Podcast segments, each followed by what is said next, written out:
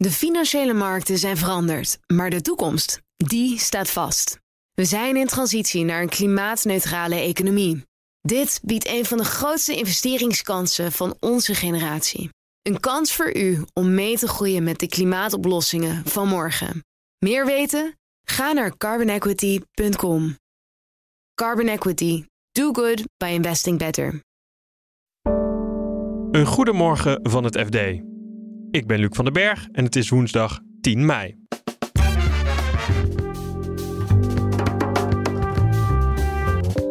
Een week voor haar arrestatie verkocht Ines Wesky haar kantoor aan haar zoon Guy. Ja, dat klinkt eh, eh, eigenlijk toevallig, te toevallig om waar te zijn. Maar toch is het zo, zegt Guy. Flexwoningen rollen uit de fabriek, maar een groot deel gaat direct de opslag in. Als je woningzoekende bent, dan lijkt het me toch redelijk gekmakend om te horen dat je woning in een lood staat. En Coca-Cola maakt zich zorgen over de oorlog in Sudan. Als het echt zo doorgaat, als, als, als er geen grom het land meer uitkomt, zal er inderdaad zal Coca-Cola wel een heel groot probleem hebben in de productie. Dit is de dagkoers van het FD. Strafrechtadvocaat Ines Wesky verkocht begin april haar advocatenkantoor. Ruim een week later werd ze gearresteerd omdat het OM haar verdenkt van lidmaatschap van de criminele organisatie van haar voormalige cliënt Ridouan Taghi. Onderzoeksjournalist Bart Mos vertelt aan wie ze haar kantoor verkocht heeft. Ja, ze heeft het uh, overgedragen aan haar zoon, uh, Guy. Uh, dat is een 41-jarige advocaat ook, strafrechtadvocaat, net als zijn moeder. Die heeft op 11 april een vennootschap opgericht, Luco BV. en op diezelfde dag is hij dus eigenaar geworden van het kantoor Wesky Advocaten. Ja, dat klinkt wel heel toevallig hè, dat het precies een week of ruim een week voor de arrestatie van Ines Wesky is. Ja, dat klinkt uh, uh, eigenlijk toevallig, te toevallig om waar te zijn. Maar toch is het zo, zegt Guy, want ze waren er al ruim drie jaar mee bezig. Die Ines Wesky en haar zus, waarmee zij samen dat kantoor had. Al 45 jaar ongeveer. Zij waren aan het ontvlechten, zegt hij. En het was heel ingewikkeld, want er zat ook een pand in die vennootschap. En uh, ze waren ook privé-eigenaar van die vennootschappen, dus er zat geen holding boven. En uh, ja, pas na drie jaar onderhandelen werd die ontvlechting een feit. En dat was dus op 11 april. Hij zegt ja, en toevallig werd ze een week later aangehouden. En heeft dat dan helemaal niks met die arrestatie te maken? Nou nee, volgens Guy niet. We kunnen het uh, Ines zelf niet vragen. Hè. Die zit uh, in beperkingen vast. Maar volgens Guy ja, is het gewoon toeval geweest. En um, That's it. Ik heb aan Guy wel gevraagd van als het OM beslag op het kantoor had willen leggen, dan is dat hiermee onmogelijk geworden. Want het is niet meer van Ines Wesky, maar van haar zoon. Maar volgens hem is dat absoluut niet aan de hand. Hij noemt het zelfs speculatief. Er is geen wederrechtelijk, wederrechtelijk genoten voordeel dat een beslag zou rechtvaardigen. Want dat wederrechtelijke voordeel, waar zou zij dat dan uit moeten hebben gehaald? Uh, nou ja, volgens hem is dat dus niet, uh, is daar geen sprake van. Uh, maar je zou kunnen denken dat als zij gewerkt heeft voor de criminele organisatie van Taggi, dat ze daar iets aan verdiend heeft. Want die organisatie die verdient veel geld. In de strijd tegen de woningnood zet het kabinet in op de bouw van flexwoningen. Nu zijn er 2000 besteld, maar gemeenten hebben er geen plek voor. Woningmarktredacteur Erik van Rijn vertelt je eerst wat zo'n flexwoning eigenlijk is. Flexwoningen zijn tijdelijke woningen. Dus woningen die maar een beperkte periode op een bepaalde locatie staan. En dat zijn ook woningen die makkelijk in en uit elkaar te zetten zijn. Dus het zijn eigenlijk woningen die je ja, zomaar even vier op plek A kunt zetten.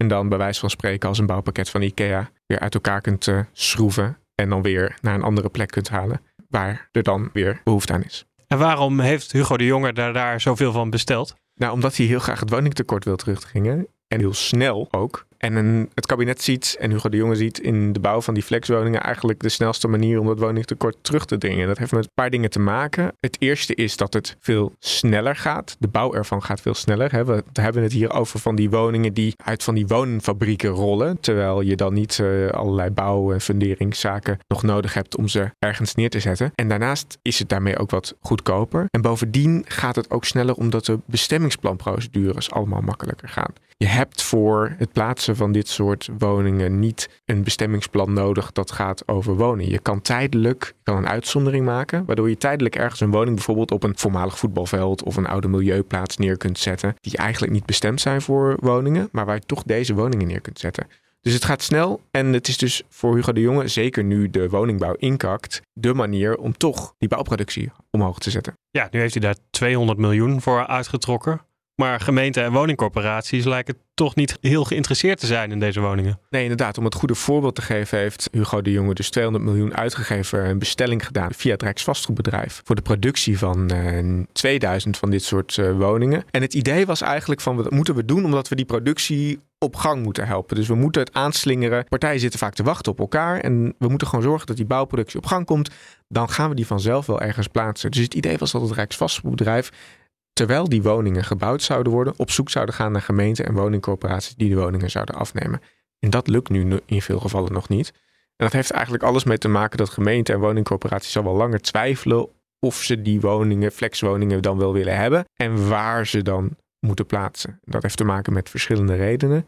Eén is, het is toch een product waar nog niet iedereen heel erg blij van wordt, kwalitatief gezien. Twee is, er zijn heel veel praktische problemen. Waar zet je die dingen neer? hebben we wel hier een grasveldje. En als we dan dat grasveldje hebben, is dat dan wel geschikt voor die woningen die het Rijksvastgoedbedrijf heeft gebouwd eigenlijk? Want ja, die moeten daar dan ook maar net passen. En drie is eigenlijk dat er best wel een probleem is met de exploitatie van die woningen. Dus kunnen wij de investering die wij nu doen in deze woningen, hè, want het idee is dus een Rijksvastgoedbedrijf bouwt ze, gemeenten en corporaties nemen ze over. Kunnen wij die investering, kan dat uit? En vaak is het antwoord daarop nee, omdat het best wel een investering is. Die woningen kunnen maar 15 jaar ergens staan. En ja, de zekerheid heb je niet dat er ook nog een tweede locatie komt. Dus na 15 jaar moet je eigenlijk nog, die woning is dan nog niet af. Daar moet je nog wat aan verdienen, ook als corporatie. Maar het is nog niet zeker of je wel de locatie hebt om dat uh, goed te doen. Hoeveel van die woningen staan er wel al in Nederland? Nou, het is nog niet helemaal duidelijk hoeveel het er zijn. Het kabinet heeft een doel om tot en met 2024 37.500 van deze woningen te bouwen. Vorig jaar zijn er iets van 3.500 opgeleverd. En was het doel om 7.500 te bouwen. Het doel voor dit jaar is om 15.000 te bouwen. Dat worden er, zo schat uh, het ministerie, ongeveer 12.000. En ook voor volgend jaar is dat doel dus weer 15.000. Maar dat moeten er nu dus veel meer worden, wil dat doel van 37.500 bouwen. Dus het is minder dan verwacht. Die productie die wordt nu wel, is nu wel tussen vorig jaar en, en dit jaar dus wel flink omhoog gegaan. Maar het is nog altijd minder dan het kabinet had gehoopt. Ja, nou ja, die woningen worden dan wel gebouwd. De gemeente kunnen ze of willen ze nog niet kwijt in hun gemeente. Wat gebeurt er ondertussen dan met die woningen? Ja, dat is dus nu een wonderlijke situatie. Dat je dus bouwbedrijven hebt gehad die massaal zijn gaan produceren. Maar de locaties blijven uit. Dus je blijft met een, een hele trits aan kant-en-klare woningen zitten. En die worden dus nu bijvoorbeeld opgeslagen in loodsen. Bouwbedrijven slaan een deel op op hun eigen terreinen. Maar het Rijksvastgoedbedrijf heeft ook een speciale loods in het Utrechtse Lopik aangewezen. En daar 8 miljoen voor uitgetrokken om die woning wel ergens op te slaan. En je weet dus nog niet hoe lang die daar opslaan. Maar ja, op het moment dat een gemeente toch zegt, nou, we willen ze toch hebben. Dan uh, worden ze daar weer uitgereden. Maar als je woningzoekende bent, en je leest dit zo en je hoort dit zo en je bent op zoek snel naar een dak boven je hoofd. Want deze woningen zijn er juist voor de mensen die snel ook een dak boven hun hoofd nodig hebben. Hè? Statushouders, mensen die in scheiding liggen, studenten, starters. Dan lijkt het me toch redelijk gekmakend om te horen dat je woning in een lood staat.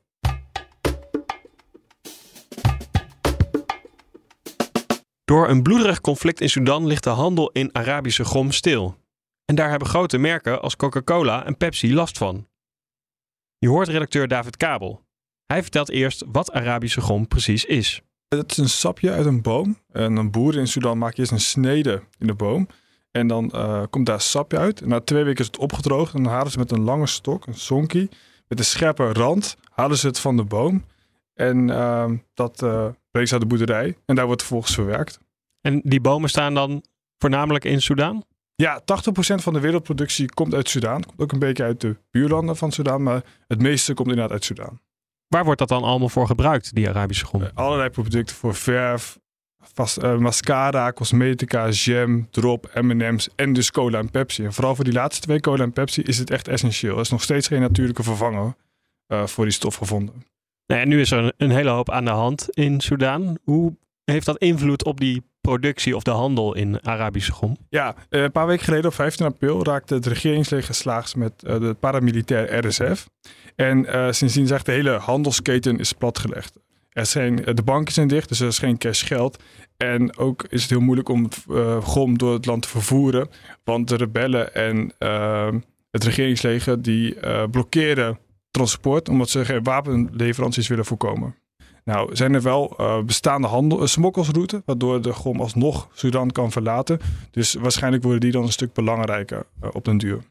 En nu? Wat, hè, wat moeten Coca-Cola en Pepsi nu doen? Want ze hebben toch die Arabische gom nodig. Ja, nou goed, het is wel zo dat, die dat, dat de problemen zijn wel bekend. Hè? Dat, dat die, levering, dat die toeleveringsketen onzeker kan zijn. Dus ze hebben hele grote voorraden aangelegd. Tot wel zes maanden. Dus ze kunnen nog wel even vooruit.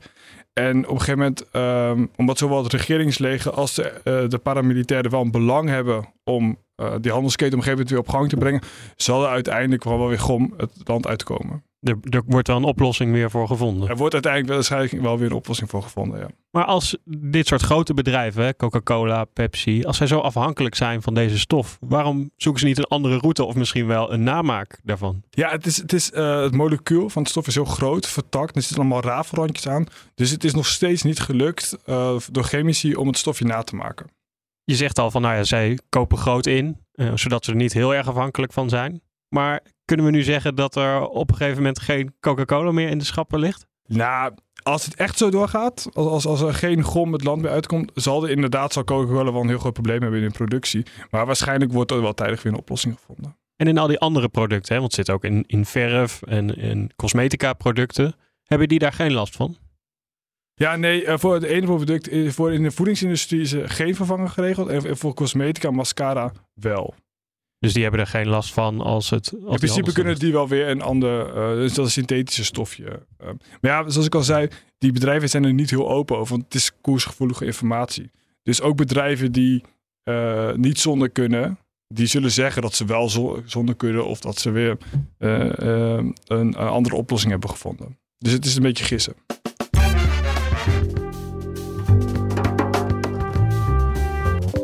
Dit was de dagkoers van het FD. Morgen zijn we er weer met een nieuwe aflevering. En ondertussen lees je het laatste financieel-economische nieuws in onze app. En om onze podcast nog beter te maken, horen we graag van jullie. In de show notes vind je een link naar ons luisteronderzoek. We hopen dat jullie die willen invullen. Voor nu een hele fijne dag en graag tot morgen.